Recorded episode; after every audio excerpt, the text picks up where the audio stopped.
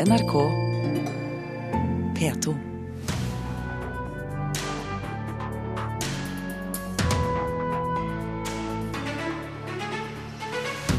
Epokedramaet The Crown danket ut Game of Thrones og Westworld under Golden Globe-utdelingen i natt. To dager før slukkingen av FM-nettet starter, mangler fortsatt syv av ti en DAB-radio i bilen. Og massiv mediedekning av Eirik Jensen-saken som starter i Oslo tingrett i dag. Velkommen til Kulturnytt. Mitt navn er Stine Tråholt. Vi starter sendingen i dag med film- og TV-prisutdelingen Golden Globe, som gikk av stabelen i Los Angeles i natt. Den store vinneren ble musikalfilmen La La Land, som fikk hele sju av sju mulige priser. Thank you so much. Slik hørtes det ut da regissør Damien Chazelle mottok prisen for La La Land i natt. Hele sju priser vant filmen, som har premiere i Norge først i slutten av neste måned, og som er noe så sjeldent som en musikal.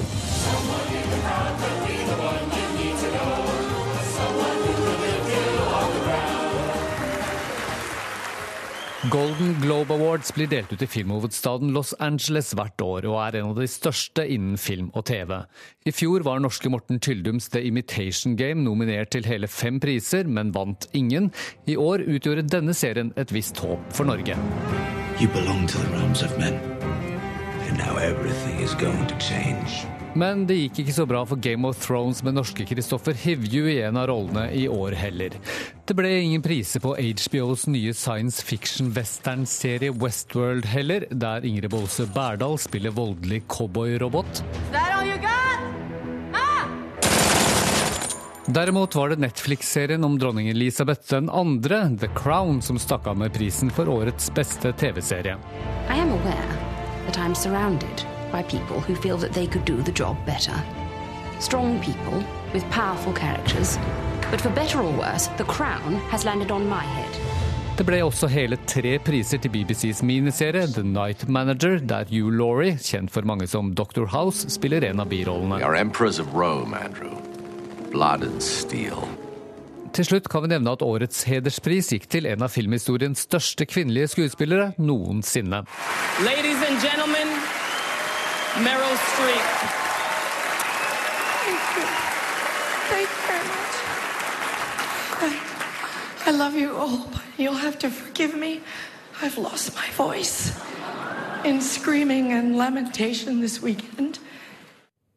Og Petter Sommer hadde laget dette innslaget.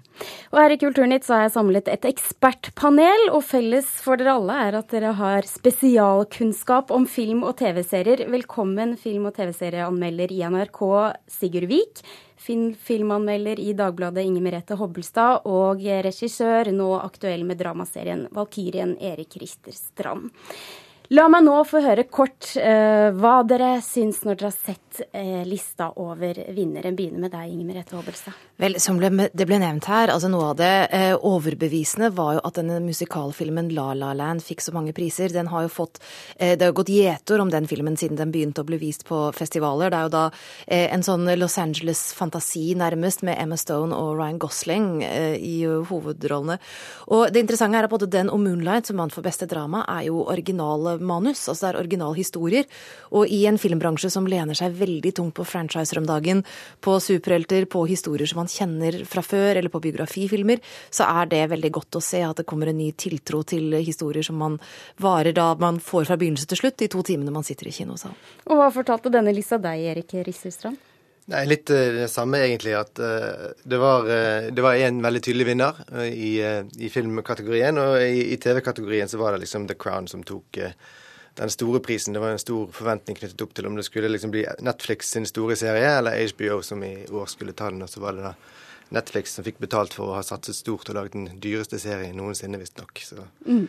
Vi skal komme tilbake til det. Sigurd Vik, du har sittet oppe og fulgt showet i natt. Hva er din dom? Oh, det var et jovialt show i natt. Vi er jo vant med at Golden Globe er den der lille uskikkelige fetteren holdt jeg på å si, eller kusina som er litt mer rebelsk enn Oscar- og Emmy-showet i stilen. Ricky Gervais har jo gjort en del eh, la oss kalle det sprell opp igjennom når han har vært vert for det her, men det var komiker Jimmy Fallon som var vert nå, og det var feel good, var det vi, vi oppsummerte, vi har sittet og, sett det her i lag. Eh, det var ganske snilt. Det kom noen stikk mot uh, den kommende president Donald Trump. Det gjorde det absolutt, og det var en del følelsesladde taler, men, men jevnt over en ganske ja, snill, men, men, koselig utdeling.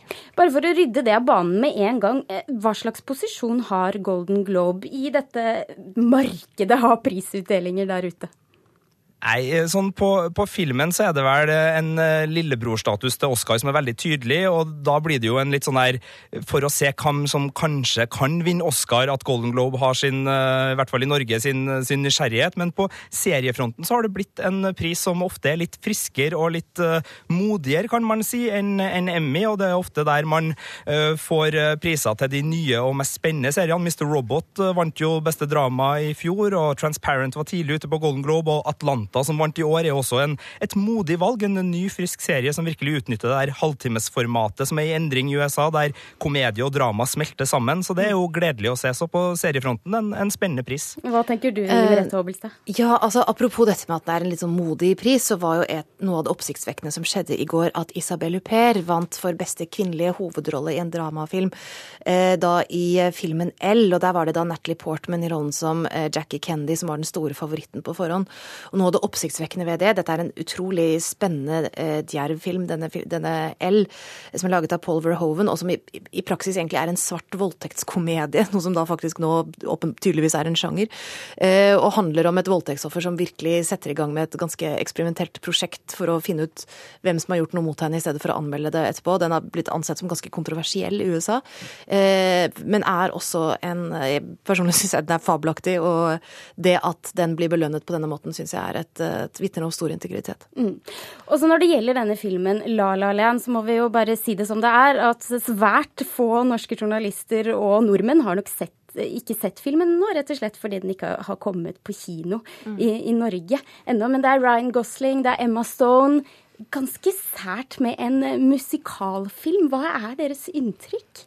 Nei, altså de, eh, de, spiller jo på en nostalgi her. Det er litt sånn 'Singing in the Rain'-feeling. I hvert fall det lille jeg har sett av den filmen. Den ser eh, stor og romantisk og veldig sånn estetiserende av LA, da, det hele konseptet. Det er jo han eh, samme regissøren som gjorde den Whiplash for et par år siden, som kom ut av det store intet og ble den store seierherren i veldig mange priser. Og, og, dette er da oppfølgeren, og så, så, får han det til på en eller annen måte. Det er en stor sånn musikal. Eh, jeg er spent på om det er min kopp te, men det, det ser fint ut. Jeg har lyst til å dvele litt ved eh, TV-seriene og da The Crown. Det vant altså da to priser for beste drama og beste kvinnelige skuespiller. Og faktisk er prisen litt norsk også, for seriens fotograf er norsk. Ole Bratt Birkeland heter han. Um, hvordan ble dette mottatt, Sigurd, i natt at The Crown fikk disse to gjeve prisene? Nei, Det var vel kanskje den seriekategorien som var mest åpen, den her dramakategorien, med to store fra, fra, Netflix og HBO, med Stranger Things og, og The Crown versus uh, uh, Game of Thrones og Westworld. Og så var det jo This Is Us, som er en sånn uh, litt sånn feel good, weepy litt mer klassisk dramaserie som kommer på norske skjermer på TV3 i februar, tror jeg, og som eh, har eh, truffet det der tradisjonelle publikummet veldig godt. Men det var ikke overraskende at Crown vant. Det var en, en forhåndsfavoritt blant mange av de store mediene i USA, og det er jo en serie som virkelig har Eh, gitt eh, Netflix valuta for pengene i forhold til at de investerte veldig mye av det her, eh, i det her, og fikk en veldig kunstnerisk vellykka serie ut av det, og en serie som virkelig gjør at de nå da også kunstnerisk sett kan, kan si at de er på høyde med, med HBO, og, og, kanskje bruke det her til å si at de er hakket hvassere. De er jo abonnementsmessig veldig stor, Netflix, men HBO har jo på en måte hatt den kunstneriske storebrorstatusen, så det er jo spennende mm. å se hva det her kan gjøre med det den balansen. Ja, Hva tenker dere andre om, om nettopp Netflix' posisjon i strømmemarkedet nå? Nei, Det er jo ikke sånn at Netflix trenger noe liksom, drahjelp. De er den største aktøren og har uh, masse markedsmakt. Men jeg syns det er gøy at The Crown vinner, fordi at den, uh, det er en enorm satsing. Og det er faktisk, syns jeg, den beste serien av de som står på listen der. Så, så, sånn sett er det fint, og, og, det er egentlig bare bra at de får konkurranse mellom HBO og Netflix. Eh, du ser jo også en tydelig forkjærlighet for det britiske her. Altså, jeg tror det er ganske snedig å satse på en serie som The Crown akkurat nå, hvor du ser kanskje en litt sånn eh, nostalgi i tiden, og ikke minst at det kan fylle et slags tomrom som oppsto etter, etter, Downton Abbey. Fordi alle vet at appetitten på det eh, polert overklasse britiske er jo mer eller mindre umettelig ute blant de større eh, publikumskarer. Og det blir jo desto tydeligere ved at kveldens andre store vinner var jo The Night Manager Eh, denne spionserien, som også har tydelige Hva skal jeg si, er en tydelig arvtaker i dette liksom glamorøse britiske spiondramaet, som jo også er en etablert uh, sjanger. Som sikkert ikke heller mange har sett her når, hjemme, som kommer nå i februar. Nei, The Night, The Night Manager gikk jo uh, i fjor i vinter. Ja, det var godt å kunne rette opp i det. en ting som jeg syns var litt gøy med, med, prisene til både Atlanta og uh, Blackish og People versus OJ Simpson, var at det, i forhold til det som ble diskutert veldig mye i fjor under Oscar utdelingen, at det har vært lite fokus på mangfold. I Hollywood så ble det plutselig en eh, I denne utdelingen i natt eh, veldig mange flere priser til svarte eh, skuespillere og regissører og serier generelt. Og det tyder på at det er en del som har lyttet til det som skjedde sist. Eller i hvert fall at det kanskje rett og slett at det er flere som tør å satse på serier med, med andre hudfarger. Mm. Utdelingen i natt var heller ikke helt fri for politiske spark, eh, Sigurdvik. Eh, fortell oss litt. Ja, det starta allerede i åpningsseansen til, til, Jimmy Fallon, hvor eh, han tok et lite sveip mot den kommende president Donald Trump da i en slags tredelt angrep, hvor det var litt angrep for at det er en del A-listeartister som ikke vil spille på denne innstillingsseremonien som skal være den 20. januar, så han fikk et lite spark der, og så var det litt på eh, velgertall og at han ikke hadde velgerne. Og så var vel det største var vel at han ble sammenligna med King Joffrey, da, kjent fra Game of Thrones. Uh, så det var vel det der lille. Men så voldsomt var jo ikke det. Og så var Hugh Laurie også innom det i sin tale i forhold til at Foreign Press Association, da, som deler ut Golden Globe, inneholder en del ord som kanskje gjør at det her var det siste året vi hadde Golden Globe, med foreign og press. og Association var også kanskje da et ord som en del republikanere ville, ville grynte på nesen av. Og så var det da Meryl Streep som, som tok det både emosjonelt og, og, og, et direkte oppgjør med, med, Donald Trump ved å si at det som lamslo hun mest i året som gikk på, på fjernsyn, var å se Donald Trump da angivelig gjøre narr av en journalist med handikap. Eh, det har vel for så vidt Trump sagt at han ikke mente, men det er jo mange som mener at den unnskyldninga ikke eh, er helt gyldig. Så det var en, en veldig eh, følelsesladd og direkte ja, et angrep på, på Donald Trump. Mm. Og fra det så gjør vi et hopp til den røde løperen. Gå gjerne inn på nrk.no nå og ta en titt på bildegalleriet. Hva syns du om kjolene vi kan se der, Inger Merete Hobbelstad? Du, jeg blir alltid litt skuffet, eller ofte skal jeg være helt ærlig, på kveldene etter slike bonanzaer som dette. For altså, her pøses det så mye ressurser, så mye omtanke og så mye penger inn i dette. Og så ender det også med en rød løper hvor det enten er ganske sånn standard og intetsigende, eller veldig sånn eh, overdekorerte eh, fussy kjoler. Altså Hvis du ser blant annet Game of Thrones-stjernen eh, Sophie Turner, ser jo ut som hun ble angrepet av en flokk eh, veldig sultne ulver som er veldig glad i sateng, før hun eh, gikk ut, gikk ut foran kameraene her. Men dette har jo med å gjøre at det er veldig etter hvert mer og mer som styrer disse antrekkene, som ikke har så mye egentlig med personlig smak eller for den slags skyld med estetikk Hvorfor å gjøre. Ikke?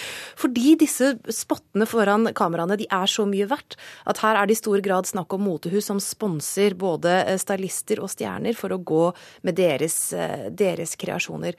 Og da kan det skje at ting blir satt sammen som eh, verken passer så godt sammen eller til personen. Men gå inn og se på Naomi Harris, for hun klarte seg veldig bra. Tusen takk dressen til Donald Glover, den brune fløyelsdressen, er, det, dressen, er den innafor? For den syns jeg var utrolig fin. Den er innafor, men bare for Donald Glover, Glover, tror jeg, dessverre. Wow. Nå må jeg bryte dere av. Tusen takk, eh, Sigurd Vik, Inger Merete Hobbelstad og Erik Richter Strand, for at dere var med i Kulturnytt. Klokken er nå 16 minutter over åtte, og dette er hovedsakene her i Nyhetsmorgen. I dag starter rettssaken mot politimannen Eirik Jensen. Saken er unik og mer spennende enn krim på TV, mener korrupsjonsekspert. Politikere må innse at oljeselskapene på norsk sokkel mangler nye prosjekter om få år. Det sier Statoil-sjef Eldar Sætre, som mener at det haster med å åpne nye leteområder. Og staten nekter sju personer med lovlig opphold i Norge ID-dokumenter, fordi de mener at det er tvil om deres identitet. Saken de fører mot staten begynner i lagmannsretten i morgen. Da gjør vi et hopp her i Kulturnytt, og vi skal snakke om eh, DAB-radio. Fordi det er fortsatt mange som mangler DAB-radio i bilen. Bare to dager før slukkingen starter eh, i Nordland, FM-nettet skal da altså slukkes, så har kun 32 en DAB-radio i bilen. Nei, det har jeg ikke. Han er ikke alene om det, for det er bare 32% som oppgir at de har DAB-radio i bilen, viser ferske tall fra Digitalradio Norge. Om jeg har DAB? Nei. Hvorfor ikke det? Nei, det får komme når det kommer. Det haster ikke. Men det begynner å haste. I hvert fall for noen. Du skal nemlig slippe dette når slukkingen av FM-nettet om få dager starter. Først i Nordland, så videre nedover landet. Det koster mye penger å installere det. Det er det som er grunnen til at jeg ikke tenker på DAB ennå. Jeg har DAB pluss. Ja. Det, er det noe du har valgt å installere sjøl, eller fulgt med bilen? Eller? Fulgte med bilen. Det har jeg ikke, nei. Hvorfor eh, ikke det?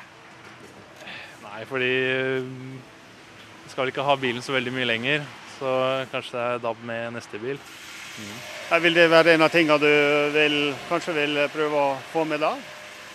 Det er ikke noe prioritet. Jeg kan heller spille musikk fra mobilen via AUX-ledning eller noe. Men uten DAB-radio i bilen blir det heller ingen trafikkmeldinger om stengte veier, ulykker og lignende. FM-nettet slukkes sted for sted gjennom hele 2017. Reportere Espen Alnes og Anna Rydland Nærum. Ole Jørgen Tor eh, Tormark, daglig leder for Digital Radio Norge. Er du fornøyd med at nesten sju av ti biler fortsatt mangler en DAB-radio? Det hadde selvfølgelig vært fint om enda flere allerede hadde det på plass, men det er ikke veldig overraskende at vi er eh, på dette nivået. Fordi folk har lenge sagt i de undersøkelsene vi har gjennomført i flere år, at de ønsker å ta dette når FM slukker, i og for seg i tråd med det vi hørte fra lytterne innledningsvis her. Torgeir Waterhaus, eh, leder IKT Norge. Hva syns du da om at nesten 70 mangler eh, DAB-radio i bil? Ja, det viser jo med all tydelighet at vi er ganske langt unna der vi burde være for å begynne å slukke FM-nettet. Og her kan man ganske enkelt gjøre en del solide grep. Eh, man kan følge godt med i forhold til hva som skjer region for region etter hvert som det slukkes. Nå begynner man jo i, i, i Nordland. Eh, det som har blitt sagt gang på gang som heter riktig, er at slår man av FM-nettet, så er det såpass eh, skrøpelig pga. manglende vedlikehold at det muligens ikke kan slås på igjen. Så for å forsikre seg da, om at dette her ikke utløser et stort beredskapsproblem fordi folk ikke kan nås via radio, så, så er det selvfølgelig en mulighet til å la være å slå det av. La det stå på. Men la være å sende så til man ser om DAB-nettet faktisk dekker det behovet vi har for beredskap i trafikken i Norge. Hvor bekymret er du for sikkerhetsaspektet her? Jeg mener det er et veldig sentralt aspekt, fordi eh, vi har gjennom mange år eh, lykkes med å bygge opp radio i bil som en beredskapskanal for å gi informasjon om trafikkulykker, hendelser, trafikkorrigering og justering osv. Og over natta så vil vi nå få se oppleve at 70 eh, ikke vil være i stand til å ta imot de signalene via radio i bilen. Noen av de vil nok streame via mobil, men det store flertallet vil altså ikke kunne ta imot meldingene. Det vil kunne skape dramatiske situasjoner, og det vil om ikke annet i hvert fall skape veldig mye frustrasjon og ubehag og forsinkelser og støy. Og det er en støy vi kunne ha unngått hvis man har gjort denne prosessen på en bedre måte. Dramatiske situasjoner kan man risikere, blir det sagt her, Tormark. Hva tenker du? Jeg tror at vi vil se at folk, eh, når det nå eh, faktisk skjer, at de eh, gjør som de gjorde når vi digitaliserte TV, nemlig i dagene før, under og etter slukkingen, skaffer seg det utstyret de vil ha. Dvs. Si, i hvert fall de som da daglig, jevnlig hører på radio. For det er jo ikke alle som gjør det i bilen, men de som gjør det, de vil skaffe seg det. Og vi ser jo faktisk allerede nå fra de nye tallene at hele 100 000 biler har fått DAB bare i desember, slik at folk har fått dette med seg. Og eh, som Waterhouse er innom, det fins jo flere alternativer også, så hvis du er litt eh, sent ute, så kan du jo i en periode bruke mobilen hvis eh, man ønsker det som en overgangsperiode. Men én ting er jo sikkert at det hadde vært bedre om folk var litt bedre forberedt. Har dere vært dyktige nok med å informere? Vi tror at dette er en typisk eh, oppgave for folk eh, som er litt tøff. Det har vi stor respekt for, og folk utsetter det eh, til eh, de må.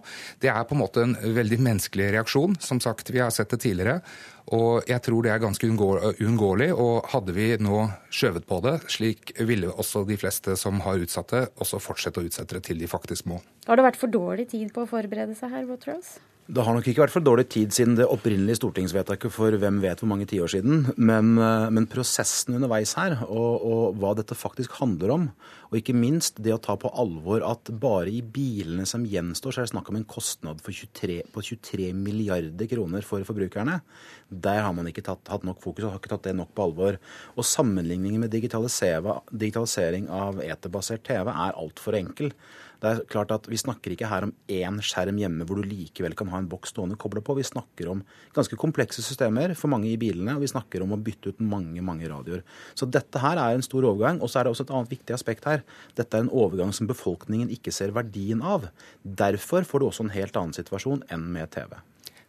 Ja, Tormark. Ja, jeg vil nok ikke være enig i at folk ikke ser verdien av det. Fordi det er faktisk slik at 2,1 eh, millioner nordmenn, over halvparten av alle de ukentlige radiolytterne, de hører på de nye kanalene som har kommet på lufta pga. dette radioskiftet vi gjennomfører.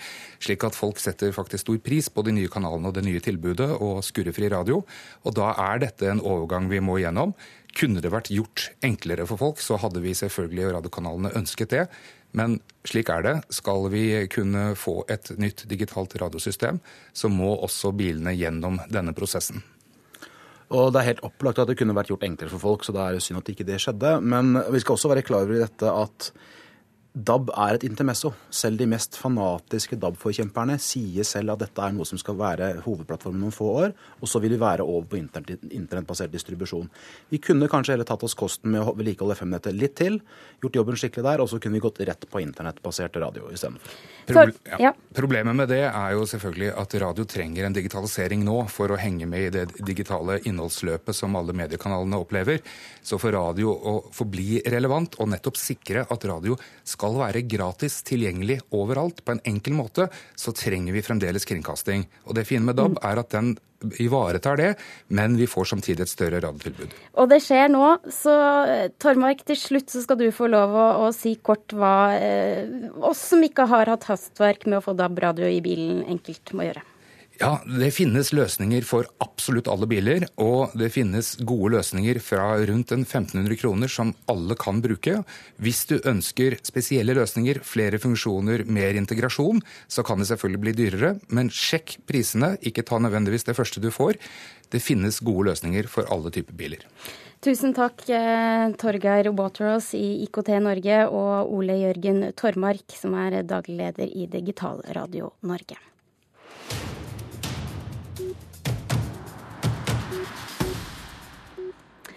Når Kulturnytt går av lufta om noen minutter, så starter NRK syv og en halv time lange direktesending fra rettssaken mot Eirik Jensen på TV og nett. Jensen er tiltalt for grov korrupsjon og for å ha hjulpet med å smugle store mengder hasj inn i Norge, og han nekter straffskyld. Rundt 50 journalister kommer til å dekke saken i dag, og da snakker vi bare om reportere fra NRK, TV 2 og de store riksdekkende avisene. Nyhetsredaktør Stein Bjøntegård her i NRK, hvorfor bruker NRK så mye ressurser på denne saken? Eh, det er fordi at dette er en veldig spesiell sak. Det dreier seg i først og fremst om tilliten til politiet. Det er en tidligere polititopp som er eh, tiltalt for å ha tatt imot penger for å varsle et kriminelt nettverk om at kysten er klar for import og innførsel av hasj. Eh, og så i neste omgang så eh, dreier det seg også om en eh, strid innad i politiet. Mange mener at, eller Jensen-siden særlig da, mener at hans metoder for informantbehandling gjennom mange år i forhold til gjengkriminaliteten i Oslo, hvor han hadde en dialog, hvor han hadde stort sett kontakt med de kriminelle og, og, og diskuterte med dem ulike ting, har ført til en misunnelse i den mer tradisjonelle delen av Oslo-politiet, og at dette som nå skjer, nær sagt er en slags hevn for den misunnelsen som oppsto for åtte-ti år siden. Men likevel, da. Bare i dag syv og en halv times TV og nettsending. Hva med hensyn til de pårørende, familien? For dette kan dette enorme medtrykket være for dem mye å bære? Ja, Men det, dette en, er en sak som er litt viktigere enn som så for det norske samfunnet. Uh, egentlig så har det vel ikke vært en slik sak mot en norsk polititopp siden uh, etterkrigstiden, rett etter krigen. Så uh, Såpass spesiell er denne saken, så vi må selvfølgelig balansere dette. Men i utgangspunktet, de første par dagene, blir massive. Det blir det. Og det, da vil jeg egentlig råde de pårørende til å ligge lavt. Men eh, altså, hva med, hva med eh, standarden en sånn trykk på en stor kriminalsak vil sette for senere? Det tror jeg ikke er så særlig stor fare for. Dette er en såpass spesiell sak. Jeg tror ikke vi kan sammenligne den eh, med så mange andre saker, egentlig. Det er vel den største saken vi dekker siden eh, rettssaken etter 22.07. Så eh, at det skulle få noen konsekvenser for hvordan vi dekker dette senere, er jeg mer i tvil om. Den mest massive dekningen kommer til å være på nett. De første par dagene nå så kommer vi til å dekke dette intenst fordi vi har lov å kringkaste fra retten, men det er bare de to første dagene under innledningsforedragene. Etter det er det åpne, dører i retten, men vi har ikke eh, lov til å gjøre opptak. Eh, så da vil vi nøye oss med mer sporadiske sendinger, altså i pausene. Mm. Og, og da særlig på nett. Og så er det sånn at Sendingene i dag sendes med en forsinkelse, og du skal selv sitte og følge med. Hvorfor er dette viktig? For det første så er vi pålagte av, eh, av retten at det er ikke lov å direktekringkaste i dag. Så har vi et eh, eget etisk eh, oppdrag, nemlig å passe på at ikke navn på folk som egentlig ikke er som i hvert fall ikke vi ønsker å kringkaste ut eh, fra denne saken, men som blir nevnt i tilknytning til eh, innledningsprosedyrene fra statsadvokaten og Spesialenheten og for så vidt parts, forsvarerne for de to partene, kommer ut. Så vi sitter da med lydknappen og drar ned når disse navnene kommer. Og sendingen den starter nå straks. Produsent for Kulturnytt i dag var Thomas Olveistein Ove. Hør flere podkaster på nrk.no podkast.